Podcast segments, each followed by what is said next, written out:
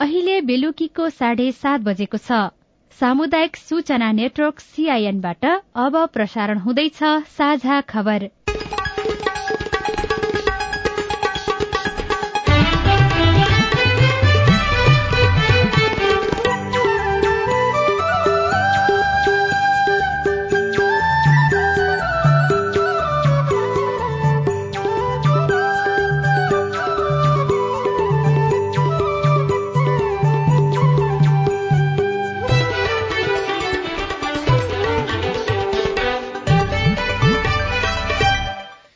सीआईएनको साझा खबरबाट सोभिता रिसालको नमस्कार। साझा खबर देशभरिका सामुदायिक radio CIN Khabar dot com र मोबाइल एप सीआईएनमा पनि सुन्न सकिन्छ।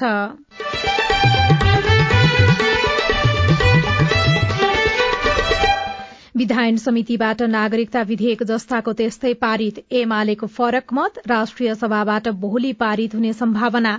राष्ट्रपति अझै पनि राजनैतिक परामर्शमा राजीनामा आउन सक्ने आकलन। राष्ट्रपतिज्यूले यदि राजीनामा गर्नुभएछ भने त्यसपछि उपराष्ट्रपतिज्यूले त्यसको प्रणयन गर्न सक्ने ठाउँ छ संविधानले प्रश्न उल्लेख गरेको छ।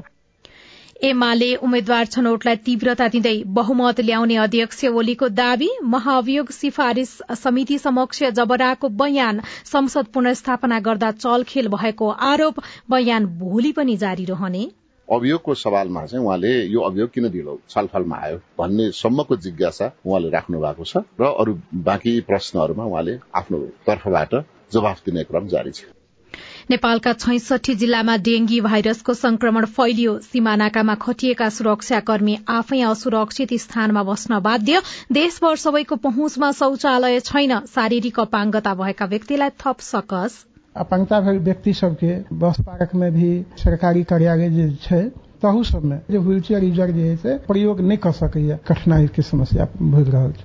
र मातृत्व स्वास्थ्य सेवा सम्बन्धी उपचार नपाएर एक महिलाको मृत्यु भएपछि पोर्चुगलका स्वास्थ्य मन्त्रीको राजीनामा एसिया कप क्रिकेट अन्तर्गत आज भारत र हङकङ बीच खेल हुँदै।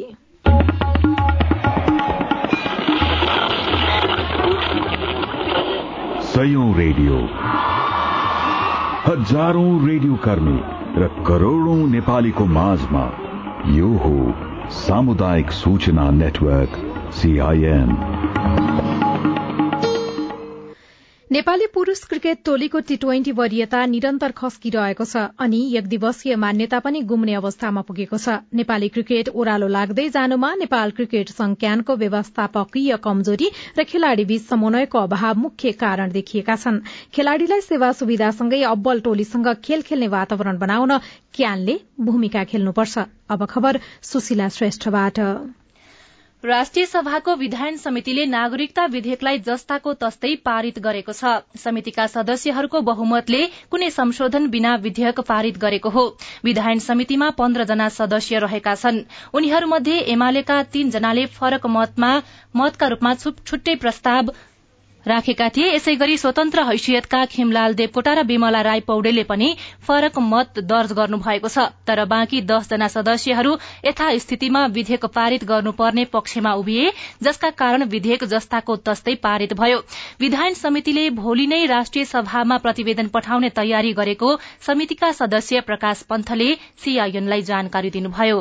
विधान समितिमा आए पछाडि दुई दिनसम्म हामी त्यसलाई व्यापक एकदम गहिरो गरी छलफल गऱ्यौँ राष्ट्रपतिबाट पठाउनु भएको त्यो सुरुको सात मुद्दा र पछिल्लो आठ मुद्दालाई रिफरेन्सका रूपमा पनि थियो र पछिल्लो सुझावहरूलाई पनि हामीले गहिरो गरी नै हामीले छलफलहरू बहसहरू गऱ्यौँ समग्रमा अब राष्ट्रपतिको सुझावलाई हामीले सम्मान गर्दै छलफल गर्दै भोलि नियमावलीहरूमा कार्यविधिहरूमा संशोधन गर्न समेट्न सकिने कुराहरूलाई हामीले छलफल गरेर नै त्यसलाई टुङ्गायौँ यथावत अवस्थामै त्यसलाई हामीले पारित गऱ्यौँ सम्भव भएसम्म भोलिको मिटिङमा राष्ट्रिय सभाको मिटिङमै त्यो प्रतिवेदन पनि जान्छ। अनि त्यो प्रतिवेदनमा चाहिँ फेरि छलफलहरू त भइ नै हाल्छ।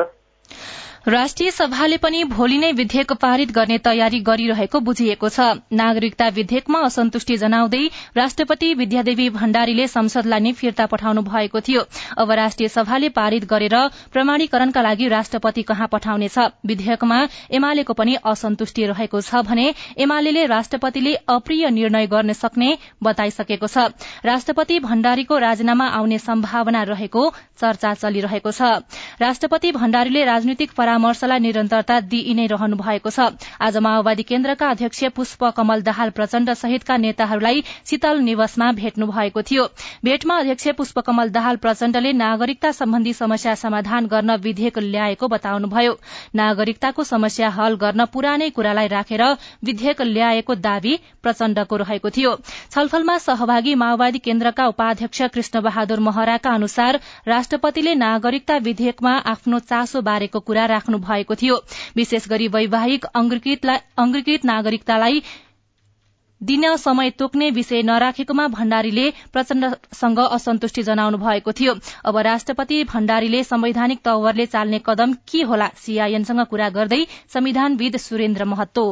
सभाले पुनर्विचार गरेर जस्ताको तस्तै बहु पारित गरिसकेको अवस्था त्यसपछि त्यो विधेयक गयो राष्ट्रिय सभामा राष्ट्रसभाको फुल हाउसले त्यसलाई विधान समितिमा पठायो र आज विधान समितिले पनि जस्ताको तस्तै त्यसलाई पारित गरेको छ अब राष्ट्रिय सभाले त्यो बिल फेरि फिर्ता पठाउँछ प्रतिनिधि सभामा अनित प्रमुखजीले राष्ट्रपति समक्ष फेरि उहाँ पठाउनुहुन्छ प्रमाणीकरणको लागि। र राष्ट्रपतिजीसँग बढीमा पन्ध्र दिनभित्र उहाँले त्यसलाई प्रमाणीकरण गर्नुपर्ने भनेर संविधानकै धारा एक सय तेह्रको चारमा प्रष्ट व्यवस्था छ। त्यस कारणले अब फेरि गएपछि राष्ट्रपतिज्यूले विवेक प्रयोग गर्ने ठाउँ संविधान कानूनले दिएको छैन। त्यस कारणले मलाई विश्वास छ राष्ट्रपतिज्यूले आफ्नो पदीय कर्तव्य निर्वाह गर्नुहुन्छ उहाँले प्रमाणीकरण गर्नुहुन्छ।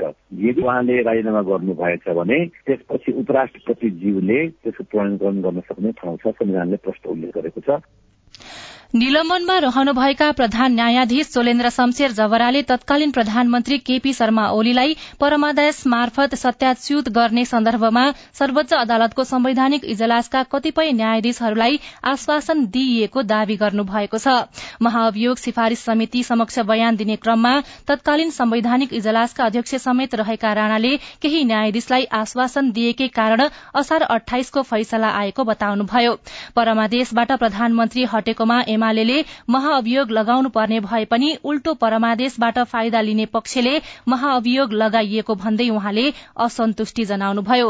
जवराले दीपक कार्कीलाई प्रधान न्यायाधीश बनाउने प्रस्ताव अस्वीकार गर्दा आफूमाथि महाअभियोग लगाइएको दावी पनि गर्नुभयो। जवराले तत्कालीन प्रधानमन्त्रीहरू माधव कुमार नेपाल र डाक्टर बाबुराम भट्टराई मुछिएको बालुवाटार स्थित ललिता निवासको सरकारी जग्गा व्यक्तिको नाममा लगिएको सन्दर्भमा मन्त्री परिषदको निर्णयको आधारमा प्रधानमन्त्रीलाई पनि मुद्दा चलाइनु पर्ने सन्दर्भमा मुद्दाको फैसलाको मिति तोकिएपछि आफूमाथि महाअभियोग लगाइएको समेत खुलासा गर्नुभएको छ। आज बयान नसकिएकाले भोलि फेरि बयान लिने तयारी समितिले गरेको छ। आज उहाँको बयान नसकिएपछि भोलि पनि बयान लिने समितिका सदस्य नेपाली कांग्रेसका सचेतक मीन विश्वकर्माले बताउनुभयो। समितिले जवरालाई सोध्ने त्रिचालिसवटा प्रश्न तयार पारेको थियो तर आज चारवटा प्रश्नको मात्र जवाफ दिनुभएको छ। अभियोगको सवालमा चाहिँ उहाँले यो अभियोग किन दिलो छलफलमा आयो भन्ने सम्मको जिज्ञासा उहाँले राख्नु भएको छ र अरू बाँकी प्रश्नहरूमा उहाँले आफ्नो तर्फबाट जवाफ दिने क्रम जारी छ। सँगसँगै उहाँले फेरि पनि महाभियोगमा उल्लेखित अभियोगहरूका बारेमा सफाईका आधारहरू प्रस्तुत गर्ने क्रम जारी छ। उहाँको भनाइ के थियो भने राजनैतिक रूपले नियुक्ति भएका न्यायाधीशहरूले का कारणले गर्दा मैले एक मतले निर्णय गर्न सकेन र त्यसमा स्वविवेकीय अधिकार हुन्छ भन्नुभयो। हामीले प्रति प्रश्न गर्यौं संविधानको धारा एक सय छत्तीसले न्यायपालिकामा भएका सबै निर्णयहरूको जिम्मेवारी प्रधान न्यायाधीशले लिनुपर्छ। तपाईँ लिनुहुन्छ कि लिनुहुन्न भनेर सोद्धा लिन त पर्छ म लिन्छु। लिएकै छु तर मैले बोल्ने क्रममा भनेको मात्रै हुँ भन्नुभयो। र उहाँले आफ्नो प्रतिरक्षा गर्ने क्रममा केही कुराहरू सीमाभन्दा बाहिर गएर पनि राख्ने कोसिस गर्नुभएको छ। जवराले आफूमाथिको महाभियोग प्रस्ताव नै अवैध रहेको समेत बताउनु भएको छ। नेकपा एमाले काठमाण्डुको दसवटै क्षेत्रमा उम्मेद्वार सिफारिश गरेको छ। तीमध्ये तीनवटा क्षेत्रबाट एक एक जना मात्रै उम्मेद्वार पठाएको छ। एमालेको निर्वाचन क्षेत्र स्तरीय समितिले आ आफ्नो क्षेत्रबाट उम्मेद्वारको नाम जिल्ला कमिटिमा सिफारिश गरेको हो। यसैबीच नेकपा एमालेका अध्यक्ष केपी शर्मा ओलीले आगामी निर्वाचनमा एक सय पचास सीट जित्ने दावी गर्नुभएको छ। कञ्चनपुरको महेन्द्रनगरमा आज पार्टीले आयोजना गरेको आम सभालाई सम्बोधन गर्दै ओलीले प्रत्यक्ष र समानुपातिक तर्फ गरेर एमाले एक सय पचास सीट जित्ने दावी गर्नुभयो। एमाले सत्ता बाहिर हुँदा समेत पार्टीमा प्रवेश गर्ने जनलहर बढ़ेको उल्लेख गर्दै उहाँले एमाले जिते मात्र देश जित्ने दावी गर्नुभयो।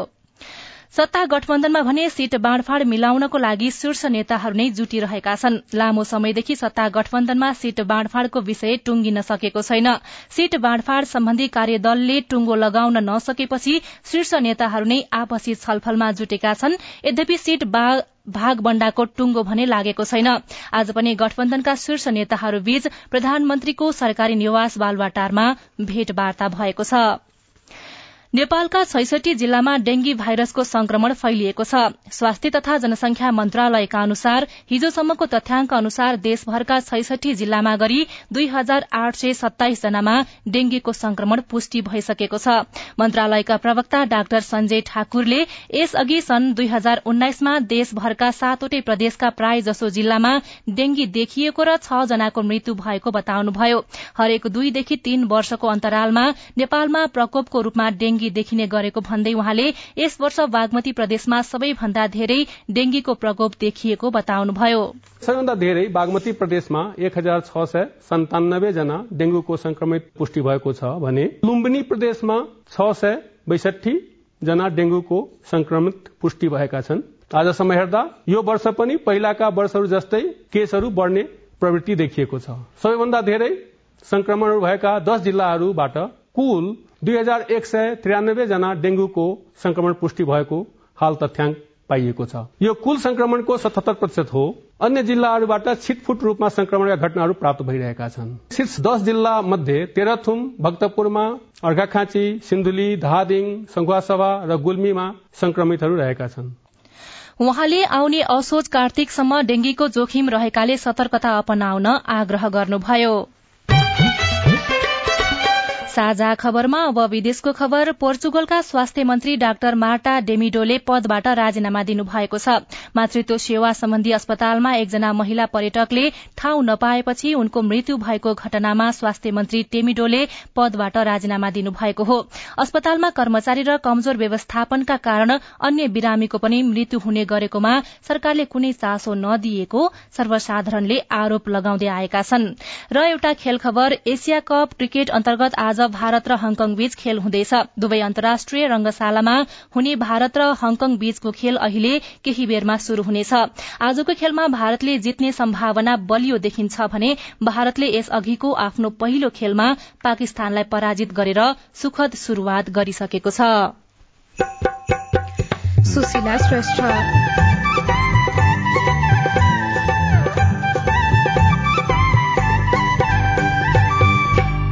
सीमा नाकामा खटिएका सुरक्षाकर्मी आफै असुरक्षित?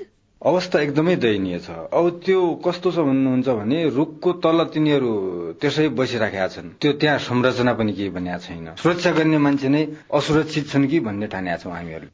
कमजोर संरचनामा दिन रात कटाउनु पर्ने बाध्यता। रिपोर्ट अवैधानिक संरचना हट।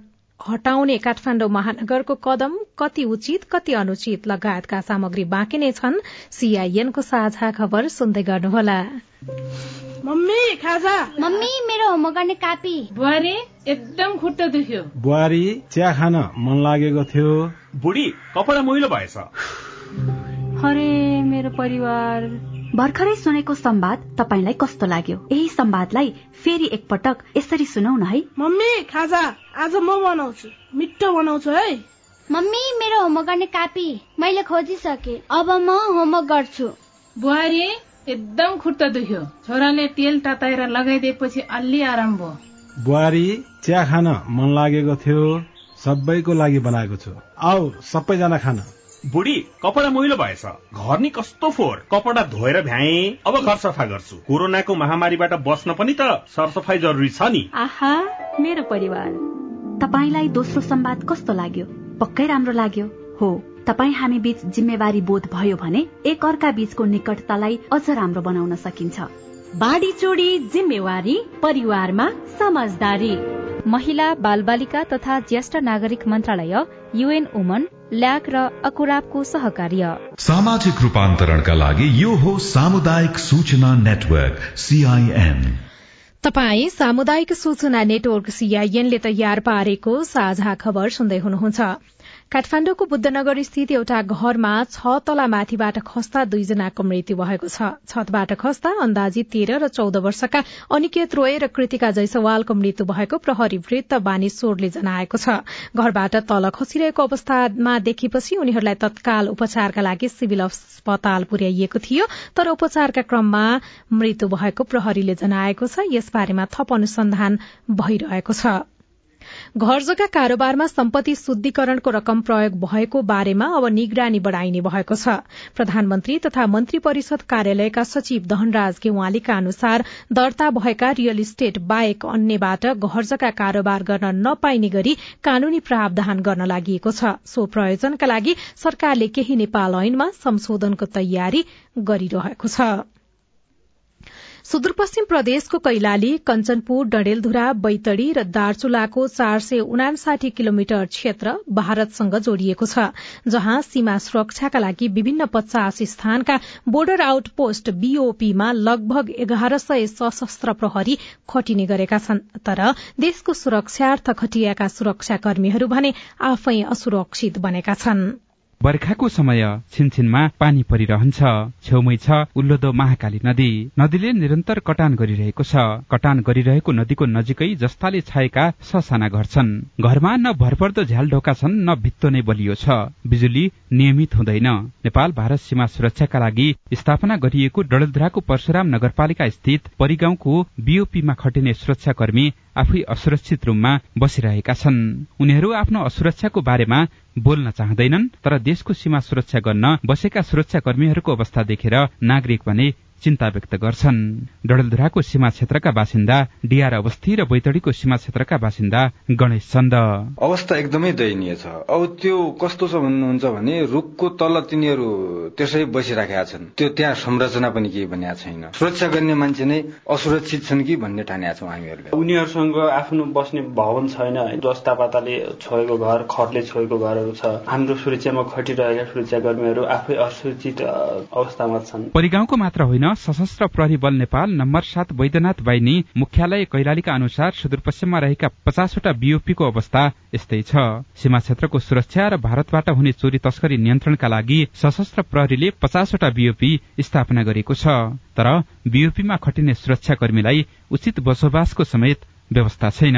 बाइसवटा बीओपी रहेको कञ्चनपुरमा भने अहिले सुरक्षा कर्मीहरूको लागि भवन बनाउने काम भइरहेको प्रमुख जिल्ला अधिकारी गोकुल प्रसाद अरियालको भनाइ छ। पाँचवटा चाहिँ हामी अहिले व्यवस्था गरेका छौँ। दुईटामा इटाको वाल लगाएर चाहिँ जसा छाएर बनाएको अवस्थामा छ। बाँकी चाहिँ हाम्रो चाहिँ कच्ची संरचनाहरू रहेका छन्। सकेसम्म छिटो चाहिँ पक्की एटलिस्ट चाहिँ प्रिफ्याबको संरचना बनाउने नीति अन्तर्गत काम भइरहेको अवस्था सीमामा खटिएका सशस्त्र प्रहरी अस्तव्यस्त अवस्थामा रहेका टहरामा बस्न बाध्य छन्। उनीहरूलाई बस्न खान र आधारभूत आवश्यकताको त सुविधा छैन नै सीमा क्षेत्रमा हुने अपराध नियन्त्रणका लागि सवारी साधन जनशक्ति र प्राविधिक विषयको पनि अभाव छ। डलद्राका प्रमुख जिल्ला अधिकारी मोहनराज जोशी र कैलालीका प्रमुख जिल्ला अधिकारी किरण थापा। अलिकति हामीलाई चाहिँ समस्या जुन फिल्डमा खटिएको सुरक्षा जनशक्ति छ उहाँहरूको बस्ने खाने लगायतका समस्याहरू छन् पूर्वाधारहरूका समस्याहरू छन् भौतिक पूर्वाधारहरू सबै ठाउँमा निर्माण भइसकेको छैनन्। अस्थायी टहराहरूमा चाहिँ बसिराख्नु भएको छ। उहाँहरूलाई राम्रोसँग बस्ने सुत्ने पकाउने खाने पनि पूर्वाधारहरूको नभएको कारणले चाहिँ समस्या भइरहेको अवस्था छ। बिओपीको अवस्था चाहिँ अब यो हाम्रो एक सय किलोमिटर हो। त्यसमा सीमाको माथि यो सीमा स्तम्भहरूको रेखदेख प्लस चाहिँ तस्करी सीमाबाट चाहिँ अवैध नहोस् भनेर बिओपी राखिएको छ। कतिपयको आफ्नै छ भवन एघारवटा चाहिँ घर छ बाँकीको चाहिँ छैन। यो छ सातवटा यिनीहरूको अलि अठारै अवस्थामा सीमा क्षेत्रमा खटिने सुरक्षा कर्मीको लागि आवश्यक भौतिक तथा प्राविधिक सहयोगका लागि प्रदेश सरकारले आवश्यक बजेट विनियोजन गरेको छ। सीमा सुरक्षामा खटिएका प्रहरी भने आफै असुरक्षित भएका छन्। नवराज पनेरू सीआईएन रेडियो सुदूरावाज डलधुरा तपाई सामुदायिक सूचना नेटवर्क सीआईएनले काठमाण्डुमा तयार पारेको साझा खबर सुन्दै हुनुहुन्छ। कानून मिचेर बनाइएका संरचना भत्काउँदै काठमाण्डु महानगरपालिका। अहिलेलाई हेर्दाखेरि हामीलाई एकदम नराम्रो भयो किन करोडौँ डुबेको छ होइन? त्यो हुँदाखेरि व्यापारीलाई एकदम मार परेछ तर देशमा परिवर्तनको त खाँचो छ नि त। कतै विरोध कतै समर्थन रिपोर्ट सबैको पहुँचमा हुने गरी शौचालय निर्माणको अवधारणा कहाँ पुग्यो? सार्वजनिक शौचालय व्यवस्थित नहुँदाको बेफाइदा लगायतका सामग्री बाँकी नै छन्। सीआईएनको साझा खबर सुन्दै गर्नुहोला। नेपाल टेलिकमको सूचनाको संसार। होइन के सुनेको यस्तो ध्यान दिएर दोहोरो बोलेको जस्तो नि देख्दिन। तीन दुई एक शून्य शून्य क्या? तीन दुई एक शून्य शून्य? के हो त्यो भने? बुझिन त। ल सुन एनटिसी प्रयोगकर्ताहरूले आफ्नो मोबाइल तथा ल्यान्डलाइनमा तीन दुई एक शून्य शून्य डायल गरी समाचार रेडियो कार्यक्रम खेल र अन्य विषयबारे सन्देशहरू जुनसुकै बेला निशुल्क सुन्न सक्छन्। ओहो निशुल्क? कस्तो सजिलो। समाचार सुन्न छुट्यो भनेर पिर लागेको थियो। अब त म पनि सुनिहाल्छु। कति रे? तिन दुई एक शून्य शून्य। सामाजिक रूपान्तरणका लागि यो हो सामुदायिक सूचना नेटवर्क सीआईएन तपाई सामुदायिक सूचना नेटवर्क सीआईएनले काठमाण्डुमा तयार पारेको साझा खबर सुन्दै हुनुहुन्छ। काठमाण्डुभित्र झण्डै दस लाख भन्दा बढ़ी सवारी साधन गुड्छन् तर बढ़दो शहरीकरणले पार्किङको समस्या बढ़िरहेको छ। काठमाडौँ महानगरपालिकाले गत साउन एक गते पैंतिस दिने सूचना जारी गर्दै घर तथा भवन निर्माण गर्दा पास भएको नक्सा अनुसार अण्डरग्राउण्ड अर्थात भूमिगत तल्ला र सवारी साधन पार्किङका लागि प्रयोग गर्न निर्देशन दियो। तर अन्य प्रयोजनमा प्रयोग गरिएको भूमिगत तल्ला खाली गराउन व्यवसायीले अटेर गरेपछि कानून मिचेर बनाइएका संरचना हटाउन महानगर आफै लागि परेको छ। उन्नाइस सय नब्बे सालमा जुद्ध शमशेरले टुणी खेलको पश्चिमबाट बसन्तपुरसम्म सड़क खोलेपछि न्यूरोड बजारको विकास भयो। त्यस यता कैयौं ठूला व्यापारिक भवन बने जसले भीड़भाड़ मात्रै होइन अव्यवस्थित संरचनाको जटिलता पनि बढ़ायो। त्यतातिर चाहिँ अब राम्रो व्यवस्थित छैन अब एकछिन राखिहाल्यो भने फेरि ट्राफिकले समातिहाल्छ। सड़क छोपिने संरचना पार्किङको अभाव र सड़क पेटीको व्यापारले न्यूरोड मात्रै होइन दरबार मार्ग बानेश्वर पुतली सड़क कालीमाटी लगायत सबै क्षेत्र अस्तव्यस्त छन्। जसको व्यवस्थापनका लागि मेयर बालेन शाहको अगुवाईमा काठमाडौँ महानगरपालिका सक्रिय भएर लागेको छ। राम्रै काम गरेको छ। सबै यस्तै भएको राम्रो। यो चाहिँ ठिक छ गजब छ राम्रो छ। महानगरपालिका कार्यालयका अनुसार शहरभित्र बेसमेन्ट र अण्डरग्राउण्ड पार्किङ राख्ने शर्तमा कर छूट लिइरहेका पैंतिसवटा भवन छन्। तर अधिकांशले उक्त संरचना पार्किङका लागि प्रयोग गरेका छैनन्। सम्झौता विपरीत संरचना प्रयोग भएपछि त्यसलाई खाली गराउन महानगरले अवलम्बन गरेको प्रक्रियामा व्यापारीहरू असन्तुष्ट छन्। तर चाइना टाउन सपिङ सेन्टरका महासचिव जनक नेउपानेको धारणा भने फरक छ। अहिलेलाई हेर्दाखेरि हामीलाई एकदम नराम्रो भयो। हामी व्यापारीहरूलाई चाहिँ यो एकदमै नराम्रो पाटो किन करोडौँ डुबेको छ होइन? त्यो कि घरबेटले भाडा त्यत्रो भाडा लिइसकेपछि घरबेटले बेहोर्नु पर्थ्यो। कि नगरपालिकालाई पनि ट्याक्स तिरेको छ नगरपालिकाले बेहोर्नु पर्थ्यो थियो त्यो हुँदाखेरि व्यापारीलाई एकदम मार परेछ। तर देशमा परिवर्तनको त खाँचो छ नि त। अभियान सफल भए पार्किङको पच्चीस प्रतिशत समस्या समाधान हुने विश्वास महानगरको छ। तर समस्या समाधानकै लागि प्रक्रिया मिचेर संरचना भत्काउँदै हिँड्नु राम्रो नभएको कतिपयको तर्क छ। महानगरले अवैध संरचना हटाउँदा कानून मिचेकै हो। कानूनविद डाक्टर चन्द्रकान्त गेवाली। नक्सा पास बिना। जुन चाहिँ कसैले भवन निर्माण गर्छ या प्रखाल बनाउँछ या जे बनाउँछ होइन त्यसको चाहिँ स्ट्रक्चर बनायो भने नगरपालिकाका मेयरलाई या या न्यायिक समिति या नगरपालिकालाई चाहिँ भत्काउने राइट स्थानीय सरकार सञ्चालन ऐन दुई हजार चौहत्तरले दिएकै छ। त्यसको लागि हालाकि के चाहिँ हुनु पर्यो भन्दाखेरि यो चाहिँ कानूनभन्दा बाहिर गएर नक्सा पास बिना तिमीले बनायौ।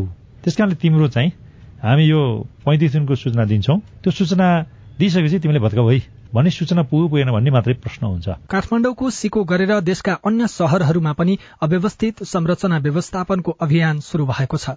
अध्ययन बिना शहर विकास गरिँदा यो समस्या देशव्यापी रूपमा देखिएको पूर्वाधार विकास विज्ञ पद्म सुन्दर जोशी बताउनुहुन्छ। रेगुलेट गर्ने र प्लानिङ गर्ने भन्ने दुइटा एकदमै महत्वपूर्ण सरकारको अङ्गहरू हुन्छ। दुइटा चाहिँ एकै ठाउँमा राख्नु हुँदैन। होइन आफैले नियम बनाएर आफैले लागू गर्दाखेरि अलिकति मिलेन भने आखिर आखिर राजनैतिक संस्था हो उसले चाहिँ नियमलाई समय समयमा तोडमोड गर्ने आँखा तिम्ली दिने आदि इत्यादि कामहरू हुने गर्छ। त्यसले प्लानिङ र मोनिटरिङको कामहरू छुट्टा छुट्टै संस्थाहरूले गर्दाखेरि चाहिँ सामान्यतः बेस हुन्छ। विज्ञहरू भन्छन् शहरी व्यवस्थापनको समस्या विकराल बन्नुको एउटा कारण राजनैतिक इच्छा शक्ति हो। काठमाडौँले शुरू गरेको अभियानमा सबैले साथ दिने हो भने शहर व्यवस्थित सँगै सुन्दर पनि हुने बहुसंख्यक नागरिकहरू बताउँछन्। अविनाश आचार्य सीआईएन काठमाडौँ। शहरलाई व्यवस्थित र सुन्दर बनाउन ठूला ठूला भवन र संरचना मात्रै व्यवस्थित भएर पुग्दैन। सार्वजनिक शौचालय पनि व्यवस्थित हुनुपर्छ। सरकारले आर्थिक वर्ष दुई हजार अठहत्तर उना अस्सीमा सबैको पहुँचमा हुने गरी शौचालय निर्माणको अवधारणा अघि सार्यो। यस अवधारणा अन्तर्गत सबैको पहुँचमा पुग्ने गरी शौचालयको निर्माण गर्नुपर्ने उल्लेख छ। तर शारीरिक रूपले अशक्त व्यक्तिलाई ध्यानमा राखेर सार्वजनिक शौचालय नबन्दा शहर शहर जस्तो बन्न सकेको छैन। काठमाडौँ भ्रिकुटी मण्डपमा रहेको सार्वजनिक शौचालय नजिकै भूपप्रसाद भुर्तेल भेटिनुभयो उहाँ शारीरिक रूपमा अशक्त हुनुहुन्छ। कतै निस्कनु परे बैशाखीको सहारा लिनुपर्छ। सार्वजनिक शौचालय अपाङ्ग मैत्री नभएकै कारण कैयौं पटक पीड़ा भोग्नु परेको उहाँको अनुभव छ। अत्यन्तै दुःख चाहिँ छ। अपाङ्गता मैत्री शौचालयहरू राज्यको नीति अनुसार देखिन्छ तर प्राय जसो सार्वजनिक ठाउँमा तालाबन्दी गरेको भेटिन्छ। जनकपुरका शत्रुधन लाल कर्ण जन्मजातै शारीरिक अशक्त हुनुहुन्छ। व्हील चेयरको सहारामा हिडडुल गर्ने कर्णलाई लामो तथा छोटो दूरीको यात्रा गर्न मात्रै होइन सामान्य अवस्थामा पनि घर बाहिर निस्कन समस्या हुन्छ।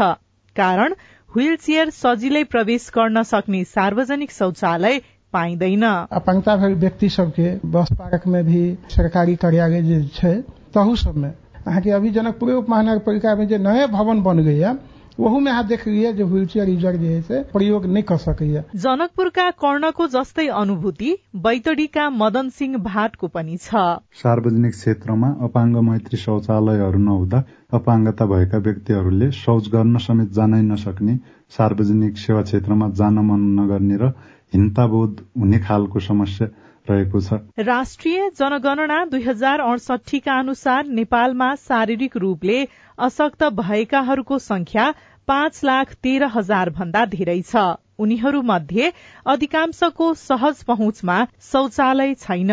देशभरका दुईदेखि तीन प्रतिशत अपाङ्गता भएका व्यक्तिहरूको सहज पहुँचमा मात्रै सार्वजनिक शौचालय भएको राष्ट्रिय अपाङ्ग महासंघ नेपालको भनाइ छ।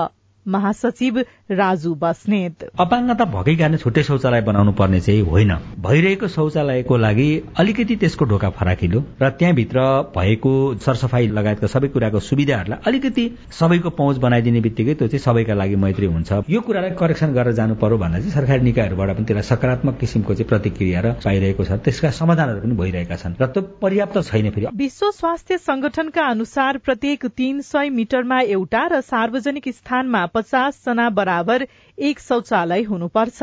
तर नेपालमा कुल जनसंख्यालाई पुग्ने गरी पाँच प्रतिशत पनि सार्वजनिक शौचालय छैन।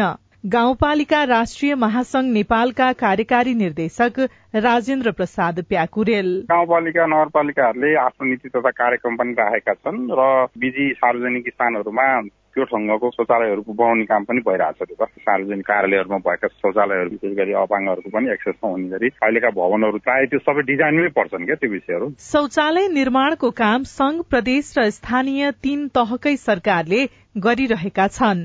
तीन तहका सरकारबीच अझै अधिकारको लड़ाई कायमै रहेकाले सबैको सहज पहुँचमा हुने गरी शौचालय निर्माणको कामले गति लिन नसकेको देखिन्छ।